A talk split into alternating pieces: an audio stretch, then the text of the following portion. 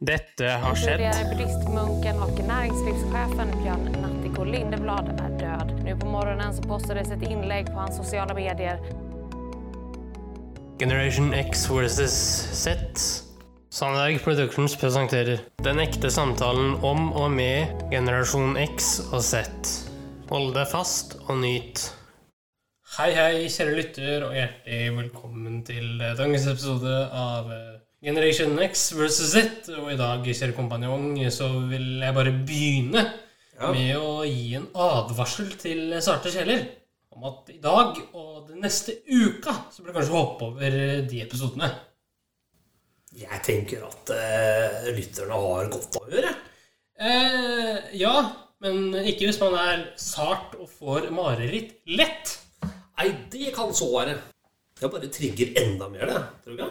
Eh, jo, kan hende gjøre det. For i dag skal vi snakke om Frykt og det å føle frykt og det å ikke føle frykt. Eh, Ja. og så skal vi plukke fra hverandre en diagnose. Og det her er jo et forslag da fra lytter Bjørn Erik.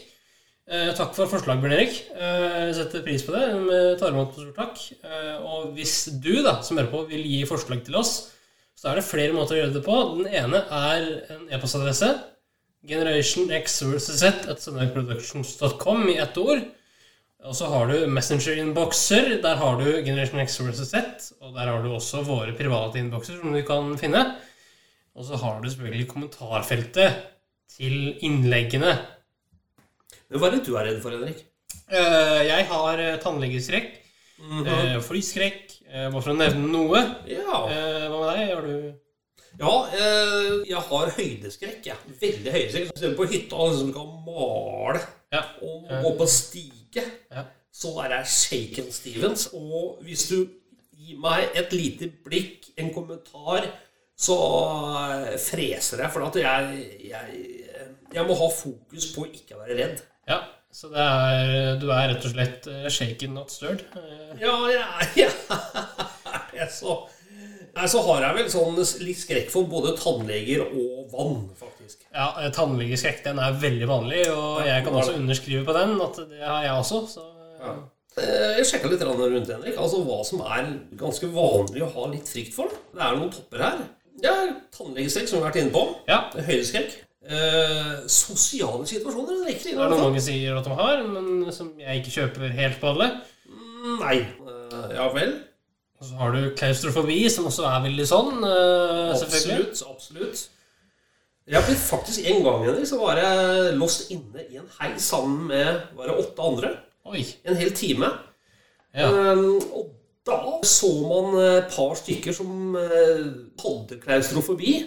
Og de slet fælt den timen der, altså. Altså, det er bare en time, liksom. Ja, Men like for dem så tror jeg det var, det var nærmest et år, altså. Det var også en, en måte å se hvordan den skrekken og, og frykten bare eh, vibrerte i både kropp, sjel og tankemessig for dem. Ja. Det var ikke noe godt syn. Og i den rollen vi har nå i dag, så, så er det sånn total fryktløshet. Det vil si at man er ikke redd noe som helst. Det vi skal eh, fram til, det er i dag en person spesifikk som eh, overhodet ikke er redd for øh, noe som helst. Uh, ja, og det er jo av den diagnosen da, som jeg nevnte så vidt innledningsvis her. Men jeg har et spørsmål før vi, før vi tar den, Henrik. Ja. sånn, ok, Du nevnte i stad du har liksom tannlegeskrekk, du har litt flyskrekk. Ja. Det er sikkert noen andre også. Jeg skal nevne én etterpå. Men kunne du tenke deg å være totalt fryktløs og ikke være redd for noe som helst? Uh, altså, jeg har jo sett det klippet vi skal høre nå. Eh, med tanke på det, nei. Hvorfor ikke? Nei, eh, det er jo fordi det er farlig.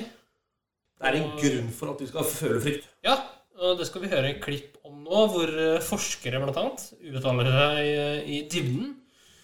Et klipp på 7 minutter og 20 sekunder. Ja, på engelsk? Ja, Ok, kjør på. thank you. There is a woman known only as SM who feels no fear. She's been held at gunpoint twice and at knife point three times. On one of those occasions, she was walking to a store when a man on a park bench said, Come here, please. She walked over to him and asked him, What do you need? He grabbed her by the shirt and held a knife to her throat, telling her he was going to cut her. She said, Go ahead and cut me. I'll be coming back, and I'll hunt your ass. SM, realizing that might seem an odd reaction, thought, Oops, am I supposed to say that? I'm sorry. I wasn't afraid. He let her go, and she just went home. SM is the code name researchers Justine Feinstein and his team at the University of Iowa have given her to protect her identity. When asked to describe what fear is like, she draws a blank, although there was a time when she could feel fear. She remembers being afraid of the dark as a child and feeling a fear of animals that she thought might hurt her. Now she has to be stopped when confronting poisonous snakes because she can't help but want to touch them. SM's loss of fear is actually a side effect due to a rare condition, Urbach-Wiethe disease, a rare disease with only 400 known cases since 1929. To be affected by it, a person's parents would both have to be carriers, and they would both need to pass that gene on to their child. Simply being a carrier does not lead to a manifestation of the disease.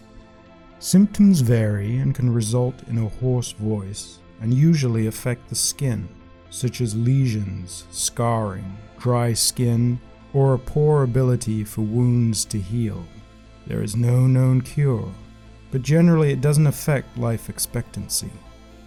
One symptom results in calcium deposits in the brain, which is the cause of SM's lack of fear. The fear response is located in the amygdala, which controls the processing of emotions, and the calcium deposits in SM's brain have completely destroyed her amygdala. While feeling no fear might seem blissful, there is a very real and dangerous problem. SM has to constantly be processing danger, as her body will not be able to naturally alert her to danger. That SM goes toward danger gives Feinstein a clue of how the amygdala works. To Feinstein, this suggests that the amygdala is functioning at an unconscious level. Instead of losing interest in things that don't scare her, which might be expected, SM becomes curious. She tends to approach the very things she should be avoiding. SM's lack of fear is not only connected to life threatening situations, she is also not phased by public speaking, her heart beating too fast, or being judged negatively in social situations, all things that rank high on what most people fear. For most people, fear is an inherent or conditioned response. We fear what we don't understand, can't control, or will cause us harm. According to Ranker.com, the top fears were voted to be heights, bugs, confined spaces, deep water, public speaking, and needles. The first thing fear does is immediately induce the fight or flight response. Your heart rate rises, you can get tunnel vision, you feel stress from cortisol levels rising, and your body limits several functions in order to divert energy to the muscles. According to Dr. Gregory Burns, this means the body cannot make rational decisions in this state people are more likely to take risks and react defensively. Fear makes us fear the things we associate with it. If you have a fearful experience in a wood, you might be afraid of the whole wood, the nearby town or village, or even all woods entirely, creating a conditioned fear. Conditioned fears are formed when we have a negative experience and are afraid of something similar happening again. SM, however, continues to take the same late night route home where she was grabbed and a knife was held against her throat.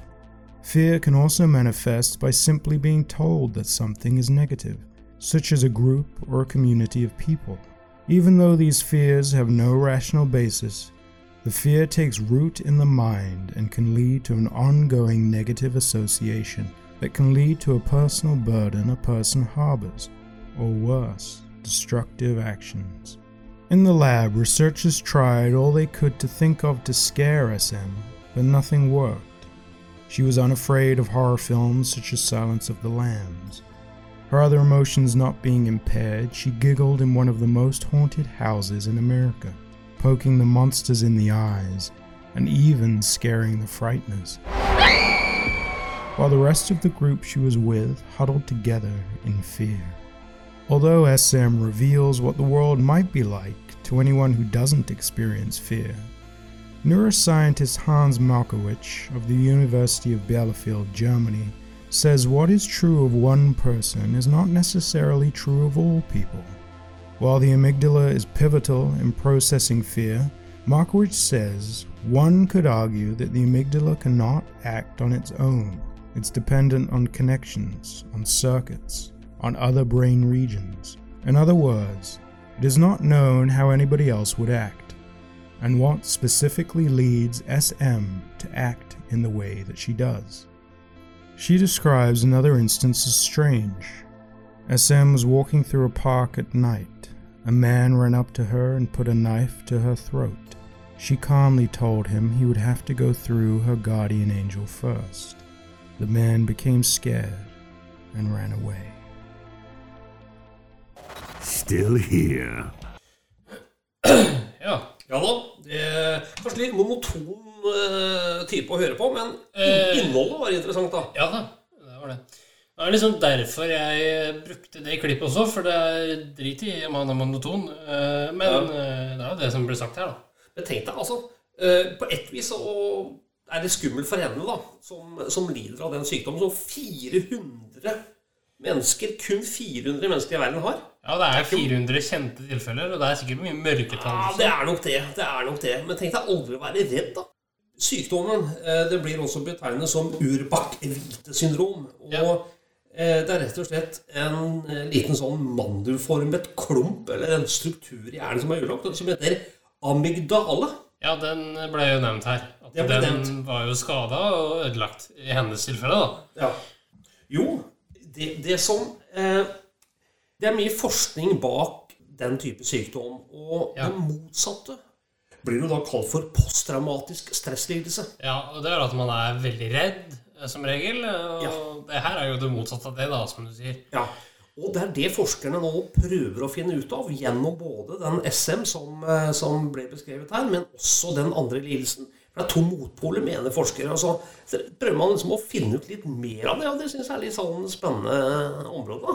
Men hva tenker du, da? Altså, uh, ja, nei, altså det er jo vanskelig å sette fingeren på hva, ja. Uh, hva hvorfor og hvordan. Men uh, igjen så er det jo veldig spennende da, og fascinerende å sette, prøve, da. Og sette seg inn og høre på forskere som snakker om det. Og, i det tilfellet her da, så har man jo 400 kjente tilfeller ja. siden 1929. Og da må jo da begge foreldrene være, bære sykdommen og gi genene til barnet sitt. ja. Som vi også hørte her. Eh, og det er jo veldig usannsynlig, da. Du påstår sjøl at du ikke er fryktløs, og det er jo, det er jo riktig, Henrik. Men det du ikke har, vet du hva det er? Det er noe som blir kalt for Jeg sjekka litt ut, da. Det er noe som heter eh, allodoxafobi. Ja, eh, ok, hva er det, kjør? Jo, det er altså Det, har ikke du, da. Men det er frykten for meninger. For du elsker meninger, du, Henrik. Ja, Min kjære sønn, du elsker meninger og oppfatninger. du, Så, jeg er også så veldig glad i å mene. Ja, Så- ikke minst. Men det du kanskje har, det er kinofo. Kinofobi. Ja. Ok, hva er det? Det er eh, Det er én av 20 som har det, og det er faktisk det er frykt for bikkjer. Altså hunder. Eh, eh, ja, det kan jeg kjenne meg inn i. Og jeg har sikkert også mange sånne eh, frykter som eh, har sånne rare navn. Så eh, vi har våre frykter alle sammen.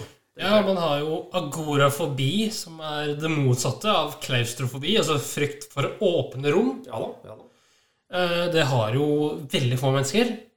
Ja. Men de som har det, går jo ofte ikke ut. Hadde du noe mer til oss, kjære sønn? Eh, ja da, Hva da? det skal du få høre. Ja.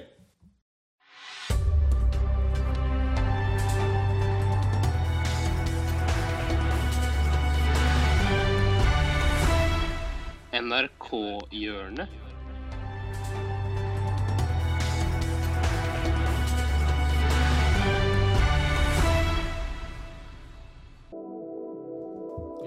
Vi er igjen, vet du.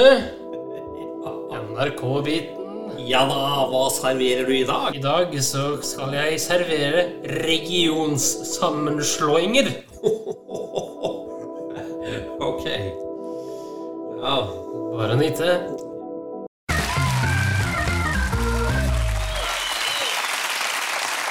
Forrige uke var det sykkel-VM i Bergen. Og bergensavisene har rast over at den arrogante Oslo-pressen ikke har skrevet nok om arrangementet. BA-spaltist Jørund Vanvik er forbanna og mente det var påfallende at riksmediene viet ski-VM i Oslo mer oppmerksomhet enn sykkel-VM i Bergen, og skriver Ryk og reis til både NRK, VG og andre såkalla riksmedier. Men bergensavisene selv har egentlig ikke vært så opptatt av sykkel-VM. De har vært mest opptatt av Bergen. Bergen hylles! For et VM! For en fest! For en by! Takk, Bergen! Oh, herregud, hvor gode vi er! Se for dere de samme overskriftene i Dagbladet med Oslo istedenfor Bergen. Oslo hylles! Faen i helvete, så flinke vi er! Det hadde blitt borgerkrig. Vanvik har sett seg luta lei på selvopptatte Oslo-folk som drikker sine caffelatter, cortadoer, frappear og doble espressoer. Vanvik foreslår derfor at Vestlandet og Nord-Norge slår seg sammen og tar med seg olje og gass, vasskraft, kraftkrevende industri, fiskeri og fiskeoppdrett. Så får Oslo skogene og kafeene. Ok, la oss gjøre en liten faktasjekk. Hva hadde skjedd dersom Vestlandet og Nord-Norge hadde slått seg sammen og latt Oslo seile sin egen sjø? Ok, Vi deler oljefondet i to, dere, men dere får fortsette å å, å, utvinne olje. Det er greit. Vi, la, vi, gjør det sånn. Men hva da med fiske og vasskraft, som Vanvik skriver? Det ville jo vært en tragedie for Oslo å miste inntektene fra disse gigantiske næringene. Nei, det hadde ikke det! Vasskraft utgjør bare 3% av bruttonasjonalprodukt, og fiske bare 2 Likevel har vi en torsk på 200-lappen! I Oslo hadde vi knapt merket at fisken ble borte. Norge tjener mer penger på å klippe håret på hverandre og drikke kaffe latte. Vi burde faktisk hatt en barista på 200-lappen.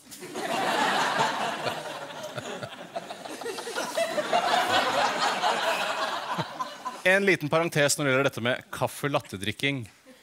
Vi drikker nesten ikke kaffe latte lenger. Så her må dere oppdatere Oslo-karikaturen deres til neste lokalrevy. Bare 12% av kaffen som selges hos Tim Wendelboe, er latte. Hva sa du? Dere som ikke kommer fra Oslo. Vet dere ikke hvem Tim Wendelboe er? Bare en av verdens beste baristaer. Verdensmester i baristakunst i 2004, sølv i 2001 og 2002. Men tilbake til saken. Hvor i landet er det innbyggerne bidrar mest til Norges bruttonasjonalprodukt? Kan det være fylkene på Vestlandet? Nei, kan det være Nord-Norge med all fisken? Nei! Se der! Gud, hvor gøy! Se på Oslo! Vi bidrar rett og slett mye mer til økonomien enn resten av landet. Og se på Nord-Trøndelag og Finnmark. Stakkar. Vi hadde ikke merka om dere ble borte. Yes, ass. Vi er best. Oslo er best. Oslo! Oslo! Oslo! La oss også se på andelen av befolkningen som er på trygd, altså som er en direkte utgift for AS Norge. Ikke overraskende finner vi de nordligste fylkene på trygdetoppen. Og Oslo på vann! Etter å ha faktasjekket har jeg kommet fram til at hvert eneste bygdemenneske koster Norge mer enn innvandrerne koster oss. Så det jeg foreslår, er at vi sender dere tilbake der de kom fra. For jeg vet om noen grådig billige gummibåter på Lesbos. Bon voyage! Ja. Det var jo kjempemorsom. Det var liksom tatt eh, skikkelig på kornet, men føler jeg nå. NRK leverer. NRK leverer. Ja, hva skal man si? Men Henrik, neste uke, Ja. hva skjer? Jo, det kan vi jo ta og kile litt med nå. Vi kan si at det skjer eh, krig, og det på et veldig dumt premiss. Ja, skal vi si at uh, misforståelser, irritasjoner uh, via en fotballkamp utgjør en krig, da? Ja, vis-à-vis. Eh, Vis-à-vis, ja. Jeg tror det er hovedbudskapet der. Skal vi si takk for i dag, Gutten min? Ja. Ha det godt så lenge. Ha det godt. Tusen takk for at du fulgte oss. Gi gjerne tilbakemelding, likes eller kommentar på Facebook-siden vår Generation X versus Z. Velkommen igjen til neste podkastepisode. Hei då!